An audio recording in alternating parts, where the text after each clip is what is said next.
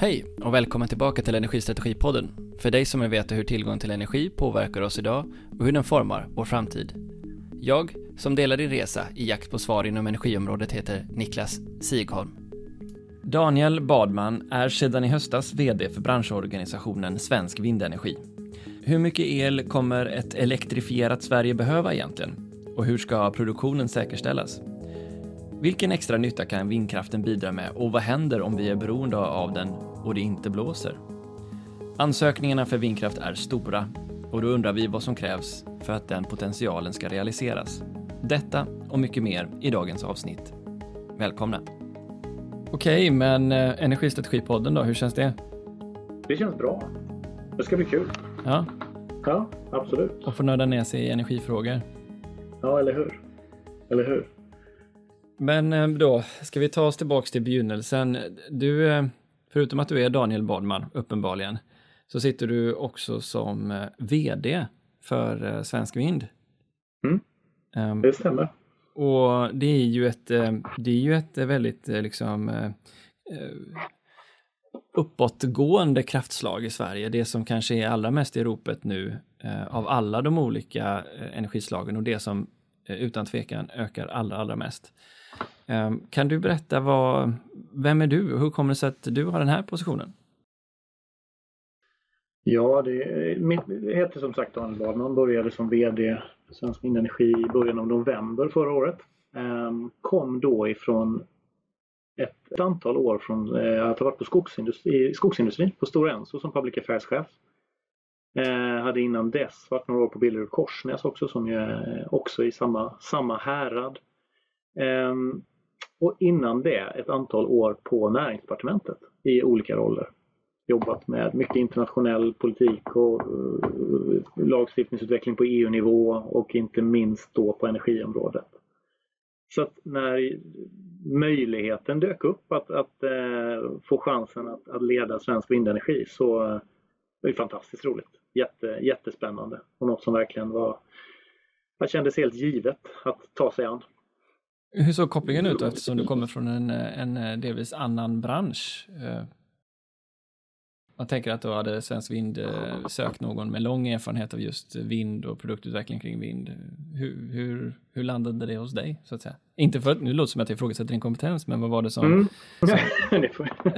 Nej men jag, det, det, så här, det är ju, du, du lyfte ju det lite grann, vi pratade jättekort innan om att nu är ju kraften på väg att bli en, en av de riktiga stöttepelarna i kraftsystemet. Och då så behövde, såg man nog också ett behov av att ha ännu mer erfarenhet från eh, ett, ett elanvändarperspektiv och tyngre industri. Eh, och det hade jag med mig. Och eh, jag kände nog att där finns det någonting att knyta ihop någonting som, som för mig kändes jättespännande. Sen finns det dessutom en dimension till, alltså industrin som jag kom ifrån och som i princip präglar all konkurrenskraft idag, det är ju det tydliga fokuset på hållbarhet.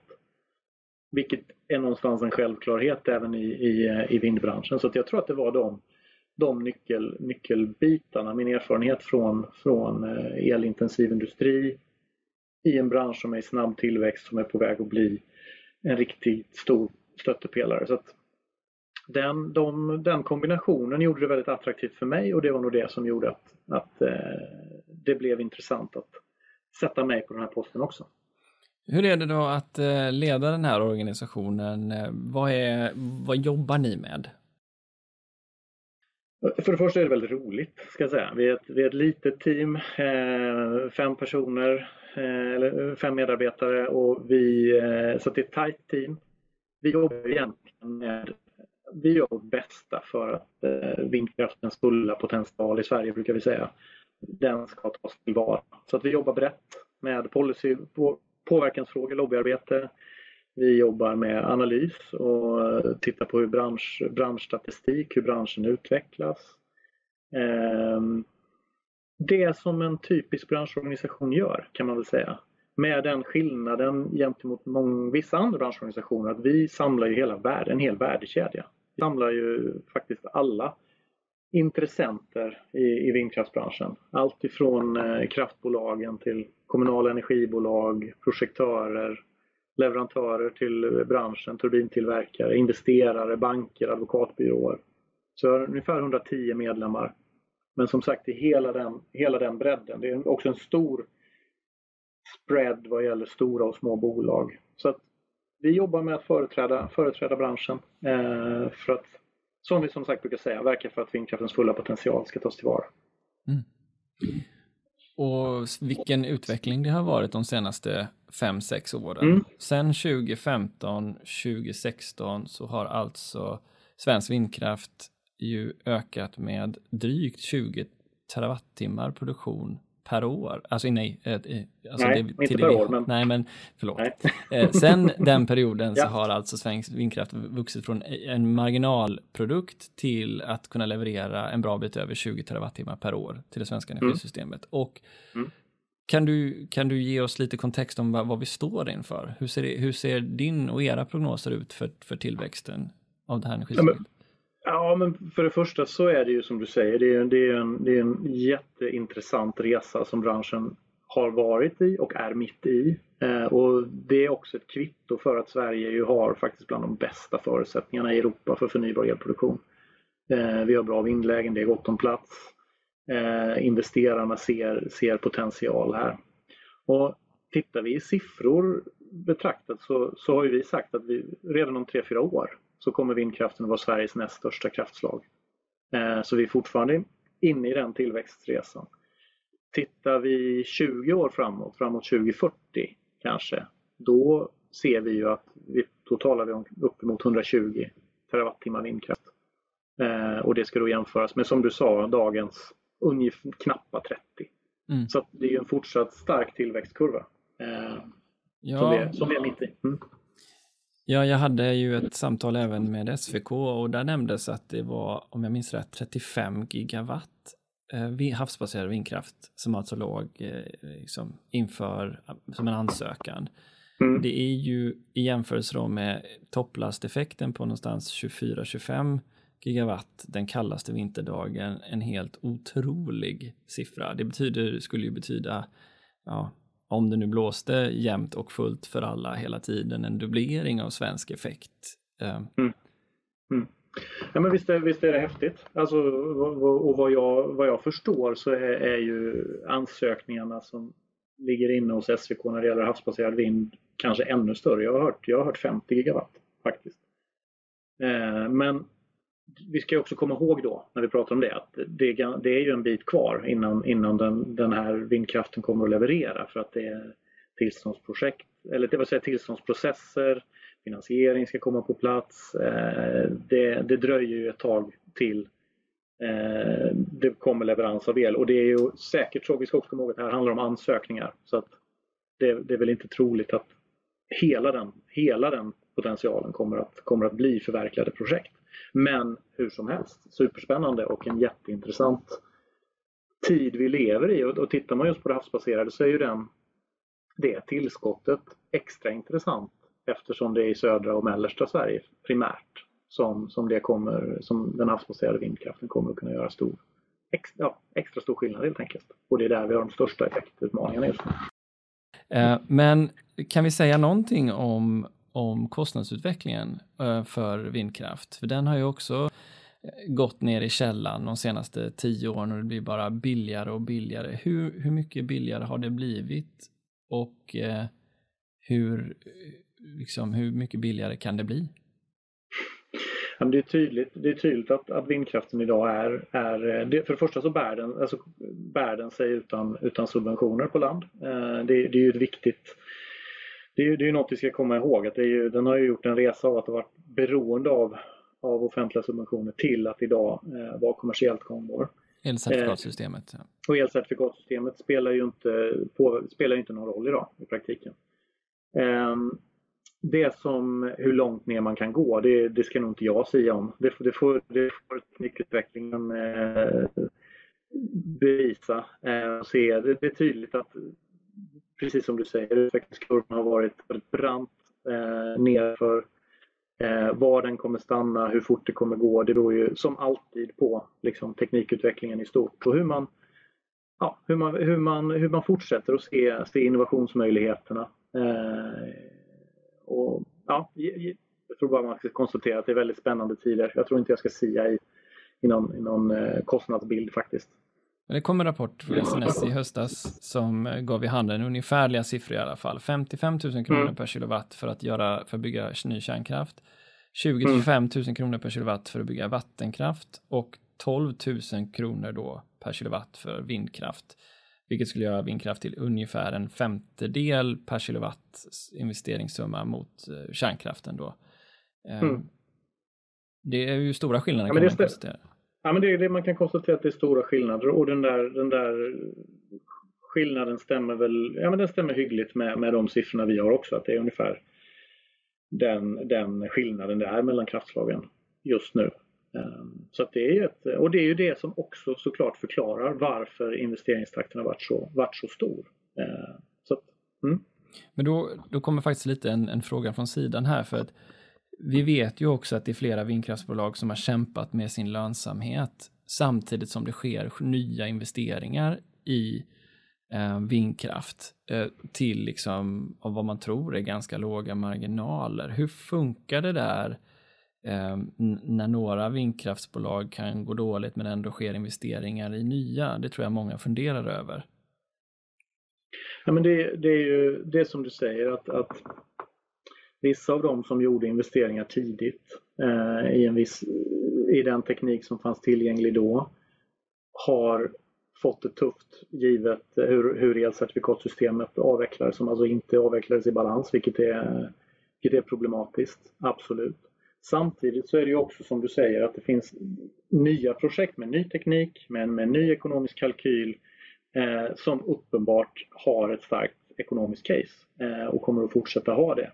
Tittar man sen över tid så är det väl mycket som talar för att, ska vi, eller jag menar så här, ska vi fortsätta utfasningen av eh, fossila bränslen?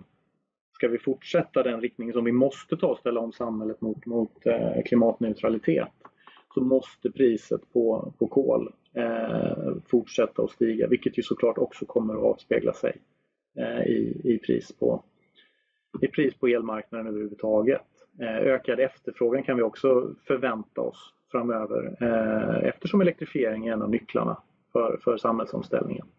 Så det, det är ju en dynam, dynamik som, som, eh, som alla marknader. Eh, sen är det precis som du säger, det har, det har varit tufft för, för vissa av pionjärerna på branschen, absolut. Nu, eh, som vi sa, är det ju så att det är många av de här ansökningarna som ligger för havsbaserad vindkraft och regeringen kom här med ett förslag om att subventionera anslutningsavgiften av ny havsbaserad vindkraft med potentiellt flera miljarder. Eh, varför är det viktigt för oss som skattebetalare att stå för den här summan? Så, jag tror så här att regeringens förslag som kom här nu, det, det, det, det, kommer vara viktigt för att vi ska få till havsbaserad eh, elproduktion i, i systemet före 2030. Vi pratar ändå om ett antal år längre fram. Eh, det, har, det kan spela stor roll för att bygga bort effekt och kapacitetsbristen som vi touchade vid tidigare. Det, inte minst med tanke på att det spelar roll eller att, att de här investeringarna i första delen hamnar i södra och mellersta Sverige, vilket ju gör dem intressanta. Jag skulle säga att vi, vi ser dock inte det här förslaget som en subvention. Utan det är ju fråga om en, en uppdatering som passar ganska väl i Svenska kraftnäts befintliga uppdrag att bygga ut nätet. Um, så att utifrån det perspektivet så, så, så, är det väl ganska rimligt också att, att, att nätanvändarna gemensamt bidrar till, till att hantera kostnaderna för, för anslutningarna via nätavgifterna. Så, eftersom utbyggnaden också kommer komma svenska elanvändare till, till del. Så att eh, ja, ja, man ska väl kanske också lägga in att, att de här de insatserna som tidigare gjorts för att främja förnybar elproduktion i Sverige, de har ju gynnat elkonsumenterna på det sättet att vi, vi har idag låg produktionskostnad, vi har, de har varit med och pressat priset. Ehm, så att jag, vi, vi ser ganska positivt på, på förslaget för att vi ser också vikten av att möjliggöra och snabba på utbyggnaden av av havsbaserad vind. Men vi ser det som sagt inte primärt som en subvention eh, utan som, som ett ganska naturlig del i Svenska kraftnäts uppdrag. Ja, det är också Energimyndigheten som har varit ute här och eh, beskrivit eh, i sin färdplan hur vindkraften och var vindkraften ska byggas ut. Och de, de prognostiserar mellan 80 till 120 terawattimmar ny förnybar energi fram till 2045. Mm. Och, och, den andra sidan är då kritiken av att om man nu bygger ut det med flexibel eller kanske inte helt planerbar kraft så kommer det också få effekter av att man både får överskott i vissa fall och underskott i andra fall i nätet, även om vi får ett stort energiöverskott. Ehm, hur ser ni att vinden kan spela en, en, en förlösande roll i kombination med andra tekniker? Eh, mm. Till exempel om vi nu skulle lägga ner roterande massa i nätet som står för stabilitet och sånt där. Hur, hur, hur ser ni att den där situationen löser sig? Nej, men jag tror för det första, att titta på hur teknikutvecklingen varit inom vindkraftsbranschen så har det utvecklats snabbt och, och, det finns ju redan idag moderna vindkraftverk som, som kan stötta elsystemet med både spänning och frekvensreglering. Och om man dessutom Eh, tänker sig att vi har, alltså, eller med ett energilager liksom mellan vindkraftparken och elnätet. Då, då kan ju, kommer vindkraften kunna bidra även när det då inte blåser, vilket, vilket ju är en del av utmaningen. Och den här tekniken finns redan. Den används i andra länder och vi ser att den är på gång även i Sverige. Så att Kopplar man det då till det uppdrag som Svenska kraftnät nu ju har, att utveckla marknaden för stödtjänster, så blir det ju så viktigt att man där tydliggör att även vindkraften skapar, eller får möjligheter att bidra. Eh, så att man, man tittar på de här tekniska lösningarna. Det, det tror jag det finns en väldigt stor, stor, eh, stort intresse av att göra och här tror vi återigen att man kan lära en hel del av om man till exempel är uppe på Irland eh, där man har en väldigt hög andel förnybart eh, och vind i sitt, i sitt energisystem och en snabb förändring och där man har jobbat med den här typen av lösningar. Ehm, sen är det ju så att kombinerar vi vind, sol och vattenkraft så tillsammans med import, kraftvärme och, och gasturbiner så, så klarar vi av att täcka det högst tänkbara effektbehovet i Sverige idag. Så att alltså, jag ser ganska hoppfullt på, på möjligheterna men det gäller att skapa också, skapa också utrymme i, i regelverket så att incitamenten är där. Eh. Är ni emot eh, kärnkraft? Nej, alltså det... Jag vet inte varför, jag vet inte, frågor, ställer du samma fråga till, till andra? ja, nej, men jag, nej, jag tycker inte den, den frågan är inte så, så, så in, superintressant för oss. Nej. Faktiskt. För oss, för oss är det en fråga om att ha, ha goda förutsättningar för vindkraft och förnybart. Mm. Um, nej men eh, det är ju så att det på, finns två sidor av den här debatten. Uh, jo det gör de, det, absolut. Eh. Och jag, nej, men, och, och, jag tycker det, det, det är inte alltid... Jag tror att det skulle må bra av att, att man vi försöker lämna den diskussionen och pratar om vad är det vi förväntar oss att elsystemet ska leverera? Eh, och då, då är det naturligtvis ett antal funktionskrav som, som eh, som, som man kan förvänta sig från politiskt håll. Och det är fossilfrihet, förnybart tror jag är liksom en annan möjligt funktionskrav. Sen är det leveranssäkerhet och sen är det konkurrenskraftiga priser.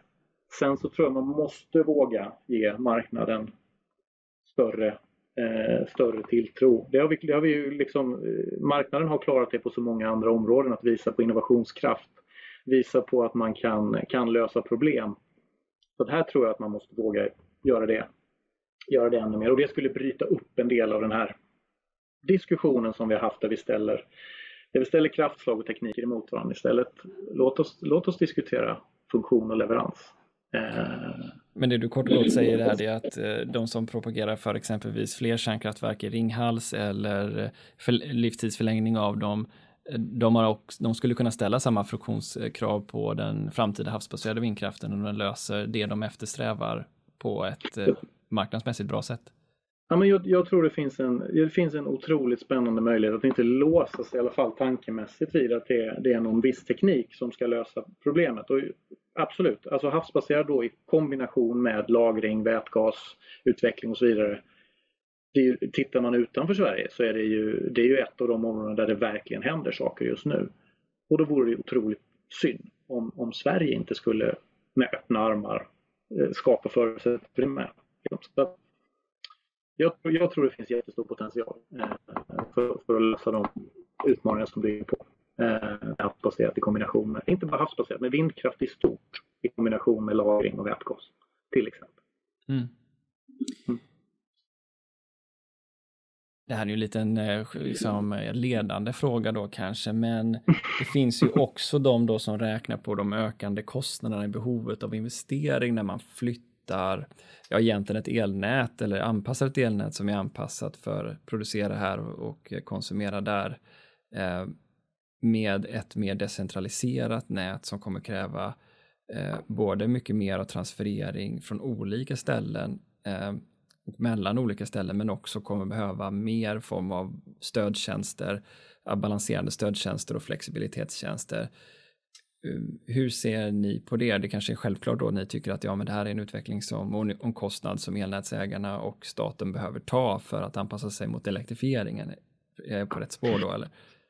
Ja, jo, men, jo, men det är du väl. Alltså, eller i alla fall på det sättet att vi, vi, vi tror ju att man behöver se på elnätet lite annorlunda än vad man har gjort tidigare i ljuset av elektrifieringen.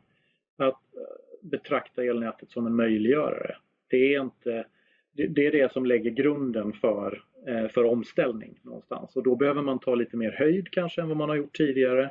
Behöver kanske titta över hur, hur gör man rätt värdering för att och vad är det man siktar mot eh, som elnätet ska, ska kunna hantera för, för, för nivåer. Liksom. Eh, sen, sen eh, nej men så att ja, så att det tror jag, där, där finns det eh, ju kanske en, en skillnad i, i den här generella synen kring att elnätet är inte, det är liksom inget nödvändigt ont. Det är, inget, det, är inget, det, är inget, det, det, det tvärtom, det, det skapar grunden för den nödvändiga omställningen och det är ju ett perspektivskifte. Eh, det, det är ju ett, en annan syn än, än vad som kanske har rått hittills. Jag tror att vi behöver börja ta det steget nu om vi ska om vi ska klara av samhällsomställningen från, från fossilt. Um, I en debattartikel tillsammans med Vätgas Sverige, Power Circle och Svensk, uh, ja, och er själva då uppenbarligen, mm. så, så gick ni ut och sa att energisystemet uh, ska, borde liksom anpassas eller riktas mot 500 terawattimmar, vilket skulle vara ett uh, ungefär fyrfaldigande av det energisystem som vi har idag. Eh, hur var tankarna bakom den debattartikeln och vad var det ni ville få fram? Ja, men den, den stora poängen med debattartikeln var just det stora skiftet vi är mitt inne, inne i just nu. Vi listar ju där också ett, ett antal områden som vi säger, liksom, tänk, tänk om vi, vi är mitt inne i, i, i en elektrifiering. Eh, det är helt uppenbart att eh, vi kommer behöva använda mer el. Eh, och vi ser ju de exemplen. Då listade vi några exempel. Det har ju kommit fler exempel sedan dess. Det här var ju en par månader sedan. Det har kommit ytterligare industriexempel sedan dess som, som pekar väldigt tydligt på att elektrifiering är nyckeln. Och så, så gjorde vi tankeövningen att ja, men tänk om man om ett antal år framåt.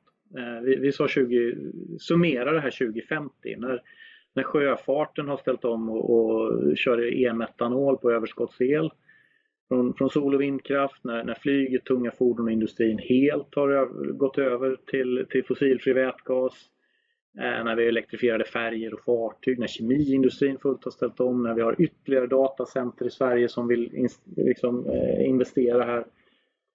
Då kanske det faktiskt inte är helt orimligt om man summerar dem där, eh, att, att vi pratar om 500 terawattimmar. Sen ska jag säga att det är inte, det är inte siffran som är, det, är inte, det var inte poängen med artikeln. Poängen med artikeln var perspektivet. Eh, att, att, höja, att höja blicken och våga, liksom, våga vara visionära. Eh, och se de här totala möjligheterna som elektrifieringen skapar för Sverige. Eh, alltså konkurrenskraft i vid bemärkelse. Inte bara som ett verktyg för, för att ställa om som är jätteviktigt utan dessutom ett verktyg för nya investeringar. Om det sen är datacenter, om det är serverhallar eller om det är ny industri. Tänk, tänk vilken otrolig eh, liksom, näringspolitik. Eh, så det, det, var det, det var det perspektivet vi ville, vi ville sätta med debattartikeln. Um, jag hoppas att jag får bort det här ekot i intervjun här sen, men vi får mm se. Um, ja, de tre områden som ni tog upp där då, det är som du säger, var visionär, agera snabbt och kraftfullt och säkerställ flexibilitet och robusthet då. Så ni är uppenbarligen beroende av de investeringar i, i elnäten som behövs för att kunna transferera uh, den el som svensk vindkraft kan producera. Men det här med att agera snabbt och kraftfullt då, um, det är ju också kopplat då till möjligheten att uh, kunna få eh, tillstånd eh, att mm. bygga mm. vindkraft. Eh, vad, och, där har ni också varit ute i debatten och tryckt på det flera gånger att tillståndsprocessen måste kortas. vad, är, vad är problemet? att det, går, att det tar för lång tid. ja, varför då? Ja. Nej, men, men och det finns ju olika delar, delar i det naturligtvis. Men, men det, det, tar, det tar lång tid och, och det, det, är lite olika faktorer tror jag. Ibland handlar det om att, att eh, resurserna, det behöver vara tydligare, mer resurser hos de tillståndsmyndigheterna. Ehm, så det är en generell problematik, den tror jag inte har, eh, eller den har inte bara med vindkraften att göra. I vårt fall handlar det ju också om utmaningar, välkända utmaningar med, med Försvarsmakten. Hur hittar vi samexistens där snarare? Hur ser vi möjligheterna att, att faktiskt eh, ja, men öppna upp för, för vindkraftsinvesteringar som faktiskt också är positiva ur ett totalförsvarsperspektiv för att vi får en mer decentraliserad eh, elförsörjning till exempel. Eh, återigen, där, jag tror att man kan lära av andra länder. Eh, så där har du några exempel på det finns ju en jätteintressant process som pågår, pågår just nu eh, inom ramen för förnybartdirektivet som ska genomföras i Sverige. Som, eh, eller i alla, i alla EUs medlemsländer, men i Sverige och jag tror det ska vara infört senast den 30 juni. Där talar man ju om att Eh, det ska vara max två år exklusive överklagande, men max två år för, för tillståndsprocesser. Och ja, får, man in, får man det på plats, kopplar man det dessutom till utbyggnaden av stamnätet och eh, då har vi ju helt plötsligt jätte, då tar vi jättekliv. Jag inser att det här inte är lätt eh, för, för, de, för de prövande myndigheterna men, men ambitionen att dra ner tids, tiderna, tiderna för tillståndsprocesserna, det är jätteviktigt. Eh, och det, det, det, har nog inte, det har inte bara med vindkraftsbranschen att göra, det har med hela, hela svensk industri att göra. Just det. Ja, vi pratar ju om förkortade tillståndsprocesser när det gäller ny koncessionsrätt för elnäten också, så det är uppenbarligen en ja, fråga absolut, som går igen absolut. i flera ja. branscher. Eh, men en professor från KTH, Hans Westlund, gick ut i SvD och eh, poängterade riskerna med ett ökat folkligt motstånd till vindkraft, då det kan uppstå mm. konflikter mellan då vindkraftens nytta och att bevara naturmiljöer, problem med eh, rennäringen och möjlighet till friluftsliv. Ehm, mm. Han pekar på att det måste finnas möjlighet till lokal kompensation för de regioner som har mycket vindkraft. Ehm, har ni, hur ställer ni er till det? Ja, men vi, vi, jag läste den artikeln eh, och jag tyckte att han fångade ganska mycket eh, risker som, som, som finns och vi tycker också att det finns go mycket goda skäl att, att förstärka den lokala kompensationen och lokala incitamenten. Vi, det vi har föreslagit är att man ska ska överföra vindkraftens fastighetsskatt till, eh, till kommunerna istället från staten, som idag så att den går från staten. Och, skulle man göra det bara för att man ska få en känsla för vad vi pratar om för storheter.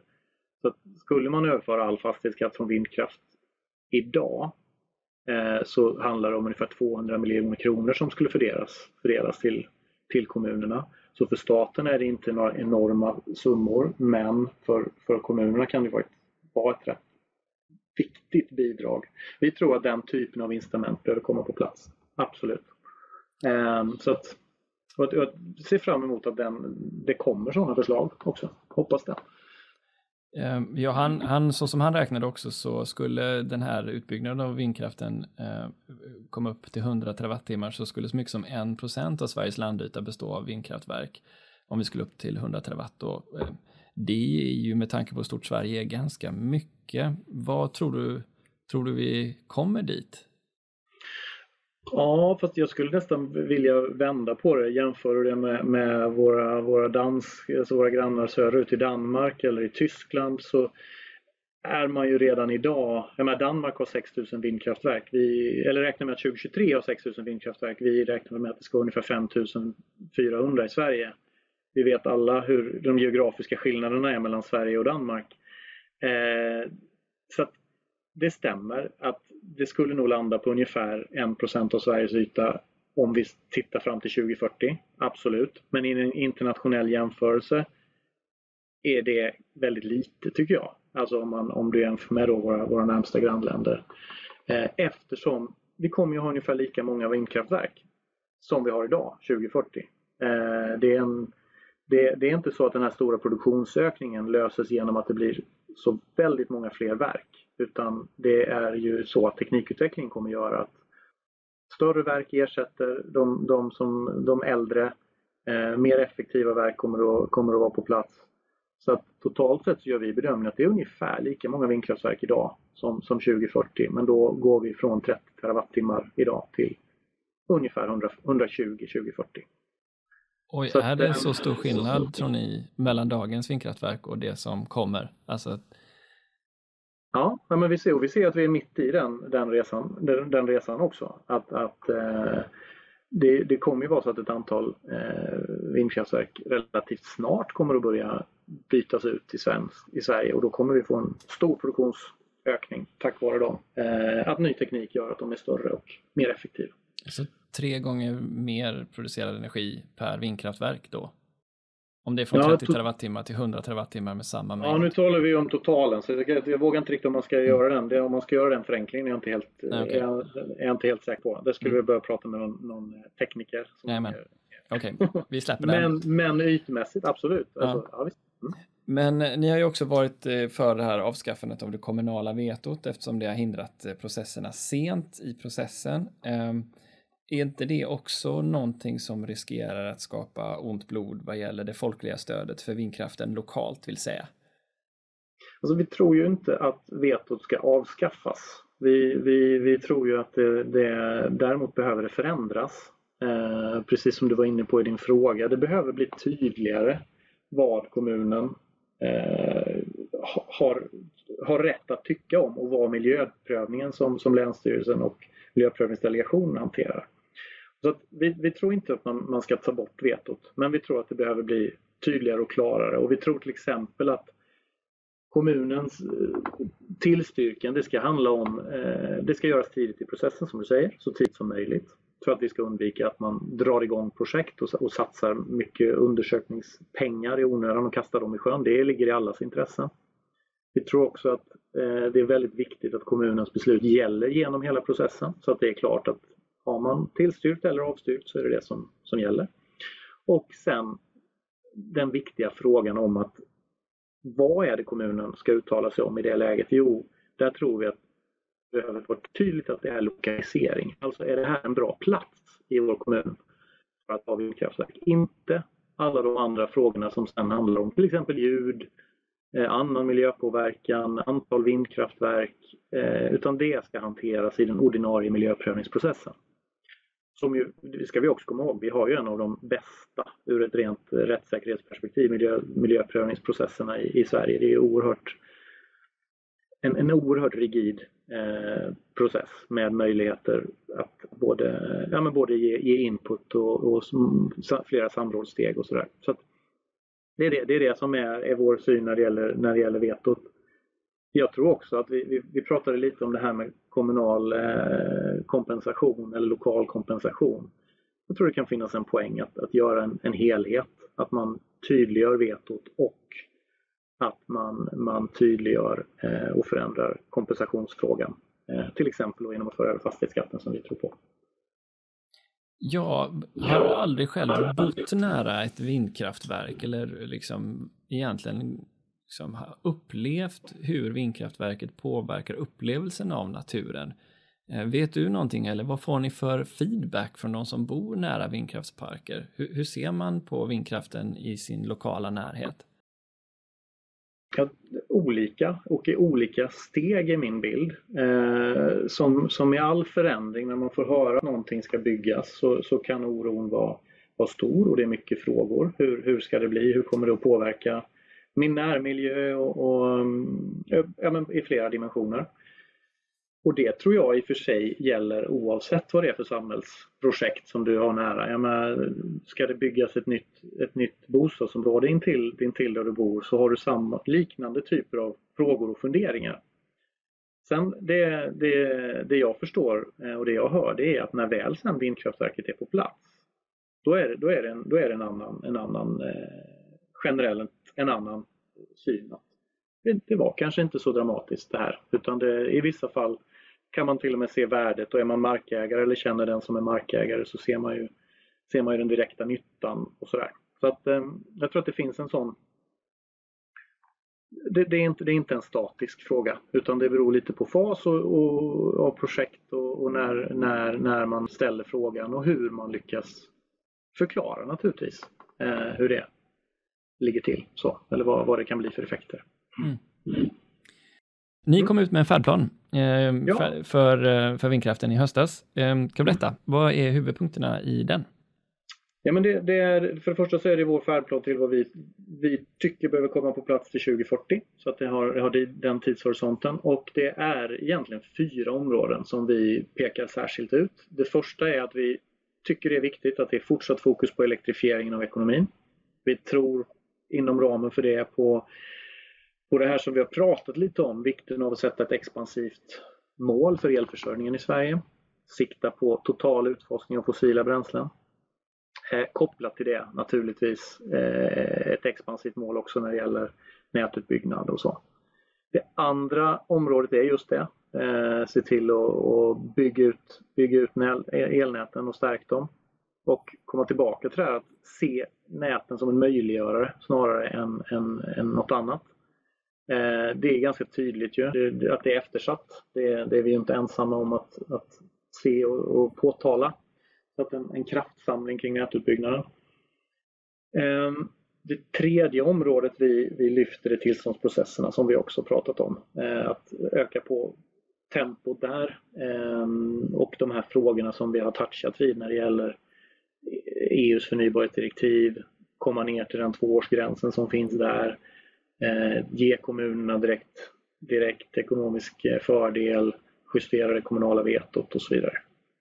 Den fjärde frågan är att vi tycker det är oerhört viktigt att man också integrerar klimatperspektivet i allt beslutsfattande så att man uppdaterar alla myndigheters instruktioner för, för att eh, underlätta prioriteringar mellan olika projekt och olika satsningar men också inkludera klimatnyttan i miljöbalkens portalparagraf och på det sättet lägger grunden för till exempel vindkraftens klimatnytta för samhället. Eh, men det, det sista är ju en bredare fråga som, som träff, kommer träffa många fler.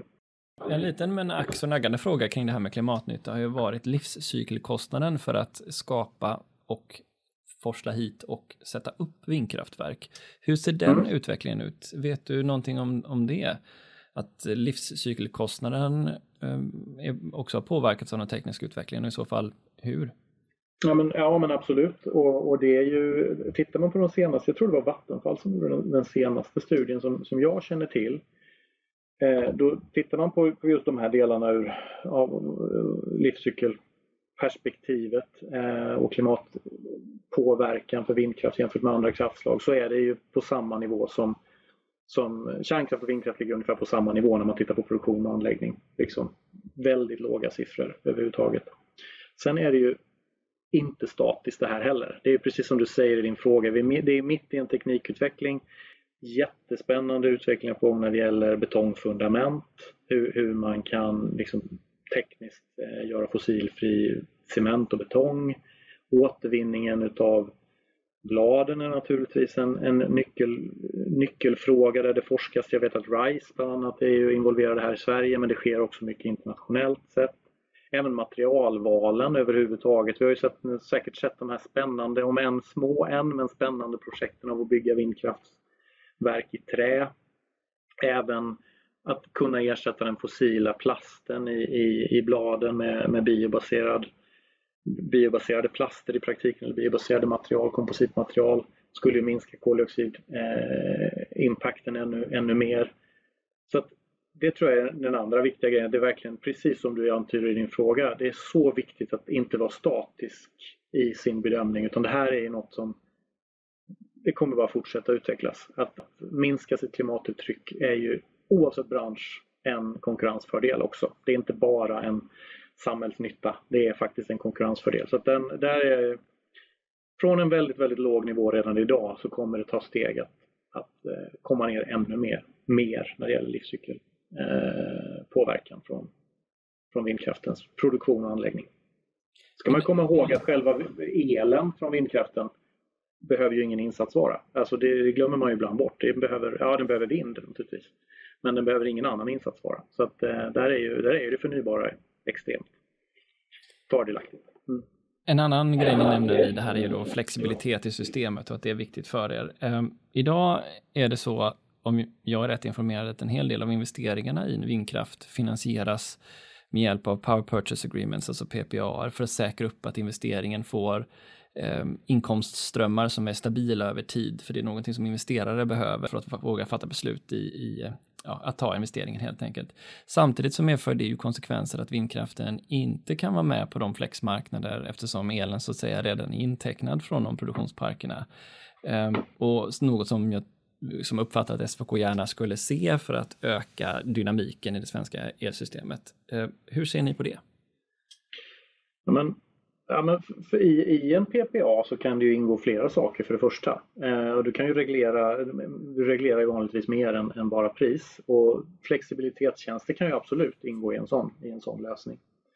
Eh, och jag tror det är återigen viktigt att komma ihåg att, att PPA utvecklas hela tiden. Och när dessutom parallellt stödtjänstmarknaderna utvecklas och det står klart att vindkraften kan gå in och bidra där och lägga bud, då kommer det skapa ännu mer incitament. För då får du ett incitament för vindkraften att, att öka sina in, intäkter även när man till exempel minskar produktionen eh, och istället får intäkt av stödtjänsten. Vilket jag tror kommer vara attraktivt även inom, inom PPA beroende på vilka som skriver den. Så jag tror att det gäller, det gäller att ha det, det perspektivet med sig att, att det här det här är inte heller en statisk materia. Eh, det, det, kommer att, det kommer att hända mer saker och i en PPA kan du absolut inkludera fler, fler parametrar. Um, i, flera av de här stora projekten har ju finansierats med medel från utlandet, inte minst Kina. Um, hur ser ni på säkerhetsfrågorna kring vem som investerar i vindkraftverk i, idag? Ja, men för det första så är det ju eh, inte så att utländskt ägande är någon helt nyhet på den svenska elmarknaden i stort. Eh, men vi, det, sen har vi vårt, vårt stora statliga bolag Vattenfall som är dessutom är aktiva på många marknader utanför Sverige. Så att, att det finns eh, liksom internationellt kapital det, det, är väl snarare ett sundhetstecken på att vi, vi, har, vi är en marknad som, som är attraktiv och, och som som, som eh, lockar investeringar och som gör att det kan gå fortare i Sverige. Så det, det, tycker jag i grunden eh, är viktigt. Sen när det gäller de, de dimensionerna som du tar upp så, så ser vi som att det är ju primärt en uppgift för eh, re, regulatorer att det finns ett bra regelverk på plats som, som ser till att, eh, och det är oavsett bransch, men när det gäller liksom de samhällskritiska branscherna, så att, att, att man har koll på vilka aktörer det är. Och det, där finns ju EUs sånt här screening-regelverk som, lägger grunden till det. Eh, och det ska naturligtvis efterlevas i, även i vår bransch. Hur ser du då på det framtida svenska energisystemet? Vi har ju förstått här av det du har sagt att du gärna skulle vilja se en, en, en betydande elektrifiering av svenska samhället och därmed en ökad liksom, konsumtion av el. Eh, men mixen på den svenska marknaden som idag då är, är, har tidigare varit förskjuten till två tredjedelar av kärnkraft vattenkraft skulle i så fall 2040 vara 50 procent vindkraft. Vilket behov har, har vindkraften av andra systemlösningar, andra producenter för att energisystemet ska bli stabilt så som du ser det?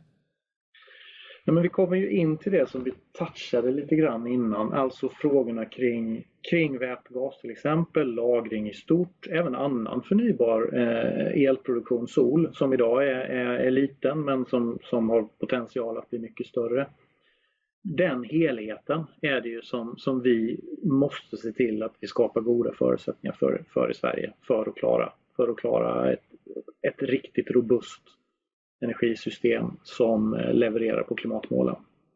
Varför är Sverige så attraktivt att investera i för de som är intresserade av vindkraft? kommer tillbaka till, till, jag tror alltid när du gör ett invester en investeringsanalys så tittar du på helheten. Eh, goda vindlägen. Eh, det, det, är ganska, det är inte speciellt trångt i Sverige som vi pratade om innan. Det finns gott om plats. Eh, naturligtvis robusta, rigida, alltså det, det, är en marknad som för en investerare är rejäl att investera i. Man kan lita på den, det är rätt säkert. Eh, tror det är den typ av fundamentala eh, investeringsförutsättningar som investerarna tittar på. Eh, tydlig naturligtvis riktning av att Sverige vill fortsätta omställningsresan eh, när det gäller på klimatområdet. Så det är klart att det skickar en viktig signal. Du, du, representerar ju det kraftslag som har mest vind i seglet, för att uttrycka sig lite roligt. ja, Eh, och, så det är klart att din bransch ångar ju på något sätt bara på. Det är väl ingen som ser någonting annat än att vindkraften kommer ta betydande marknadsandelar på marknaden som kommer de närmaste åren. Det finns ju sådana här vad var det du själv var inne på? Det är fram till 2024, hur mycket mer vindkraft tror vi att det kommer finnas då? Uh, ja, men då, alltså det jag sa då var nog att vi är, är näst, räknar med att vara näst största kraftslag 2024. Alltså om man översätter det till terawattimmar? Närmare 40 va? Ja, vilket innebär att ihåg. det gamla 45, målet, 45. 45 terawattimmar, mm. det gamla målet mm. om att Sverige skulle ha, då, då var det 27 terawattimmar va, som man skulle uppnå totalt? Någonting, ja, någonting sånt ja. Yes. Eh, och det var till 2030 och det målet sattes väl i början av 10-talet dessutom. Ja. Och det är redan uppnått idag. Ja, visst. Ja. Hur mycket samarbete har ni med som kraftelektronikbranschen vad gäller liksom att få fram syntetisk fräng, liksom svängmassa och den, den här typen ja, men, av stöd? Alltså vi, vi har ju, i, vi har ju en, några av de aktörerna är medlemmar hos oss. Eh, så att vi, vi har en dels i vårt, vi har det, nät och marknadsråd. Vi har två olika råd där vi har sådana diskussioner liksom med, med medlemsföretag. Eh, och nära de här uppdragen som Svenska kraftnät har också på, på temat liksom för att mm. skapa mm. marknaderna för det. Eh, sen är det ju bolagen som är riktigt nära. Om, om du ska tänka dig att det liksom är teknik och lösningsutveckling så är det mm. bolagen som är riktigt nära det. Du nämnde ju det lite grann att eh, havsbaserad vindkraft har möjlighet att slå sig in i mellan och södra Sverige, vilket ju har varit mm. den stora problematiken att vi bara haft stora vindkraftproducenter ja. uppe i norr. Hur, hur, hur stor kommer den skillnaden komma vara? Kommer vi kunna ha en balans om vi nu skulle ha 100 terawattimmar eh, liksom vindkraft över tid? Kommer det, som ni ser i er kristallkula, vara mer jämnt fördelat över landet? Ja, alltså det kommer nog säkert fortfarande vara mer, eh, mer tryck, tryck i norra Sverige, så är det ju. Men med den havsbaserade så kommer man i varje fall bra mycket närmre.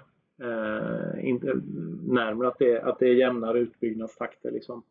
Eh, sen ska man inte säga att det finns fortfarande stor potential att bygga landbaserat i, i södra Sverige. Så att, eh, det, det, är inte så att den, den dörren är inte på något sätt stängd heller. Och mycket av den tidiga vindkraften den som vi nu ska gå in och repowera som det heter eller byta, byta ut. Den finns ju också i södra Sverige.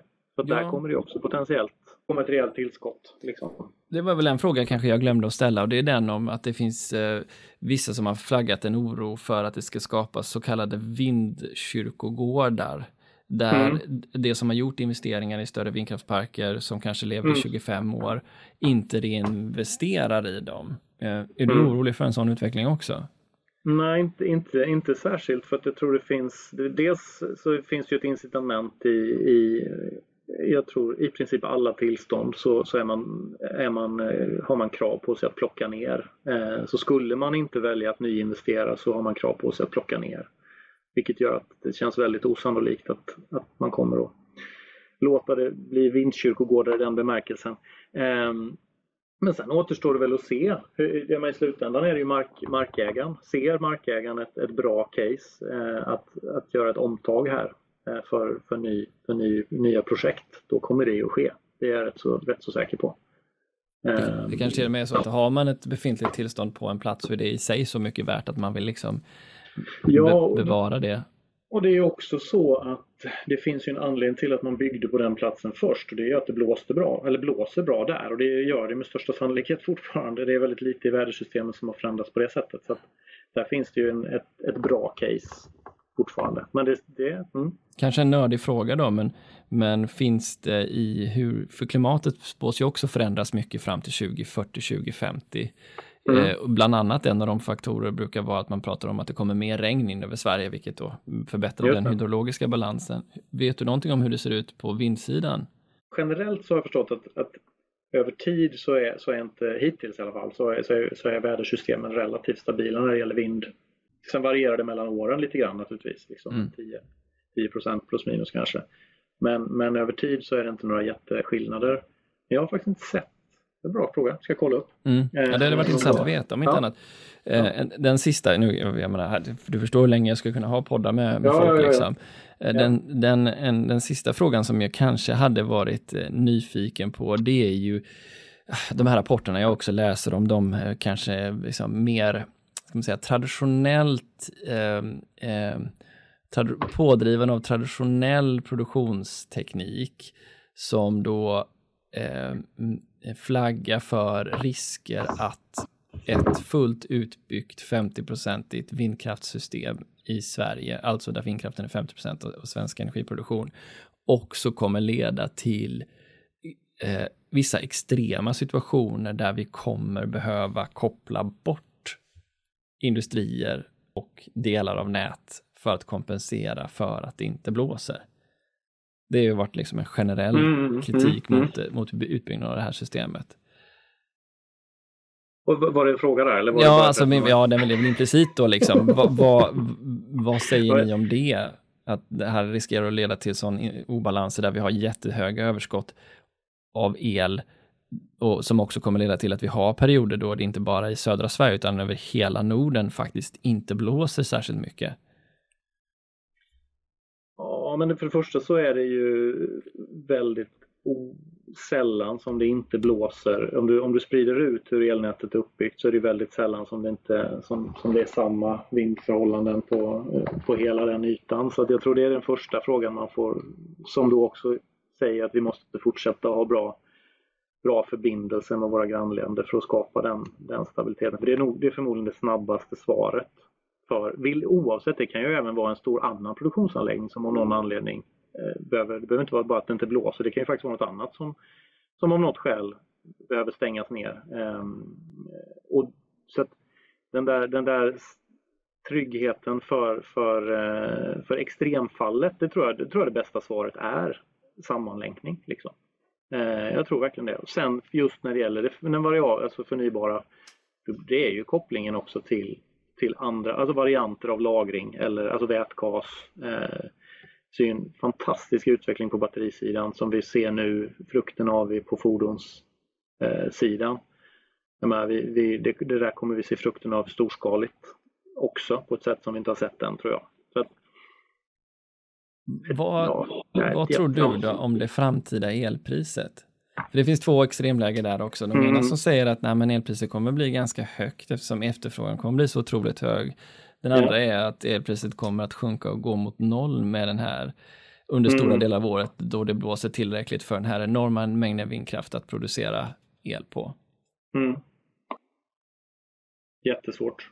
Eh, det, det, det, kommer, det, det är jättesvårt och det kommer ju vara andra eh, det, kommer, det finns ju andra parametrar där dessutom. Alltså, tänker jag. Jag tror man kommer hitta nya affärsmodeller.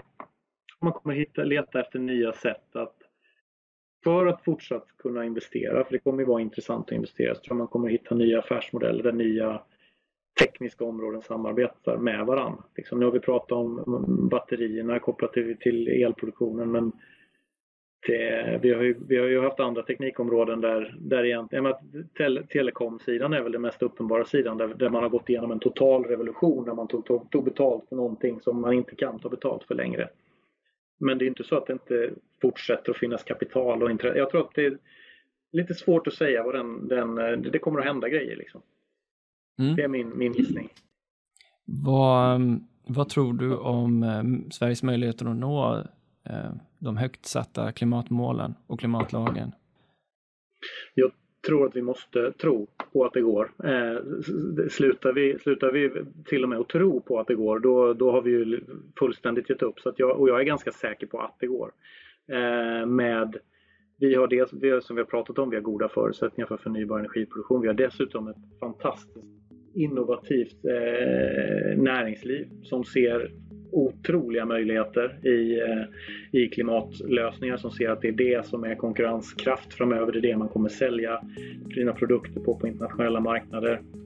Det kommer vara en jätteviktig drivkraft. Ehm, jag är väldigt hoppfull. Jag, jag tror att Sverige, Sverige har jättegoda möjligheter att nå klimatmålen. Eh, inte sagt att det kommer bli enkelt, men vi har väldigt goda möjligheter. Tack så hemskt mycket för att du var med i Energistrategipodden, Daniel. Tack Niklas! Har du vidare intresse i de här frågorna eller funderar på hur kunskapen i podden kan översättas till din verklighet? Tveka då inte att höra av eller engagera dig via hemsidan sigholm.se energistrategipodden eller via Sigholms sociala kanaler. Tack för idag!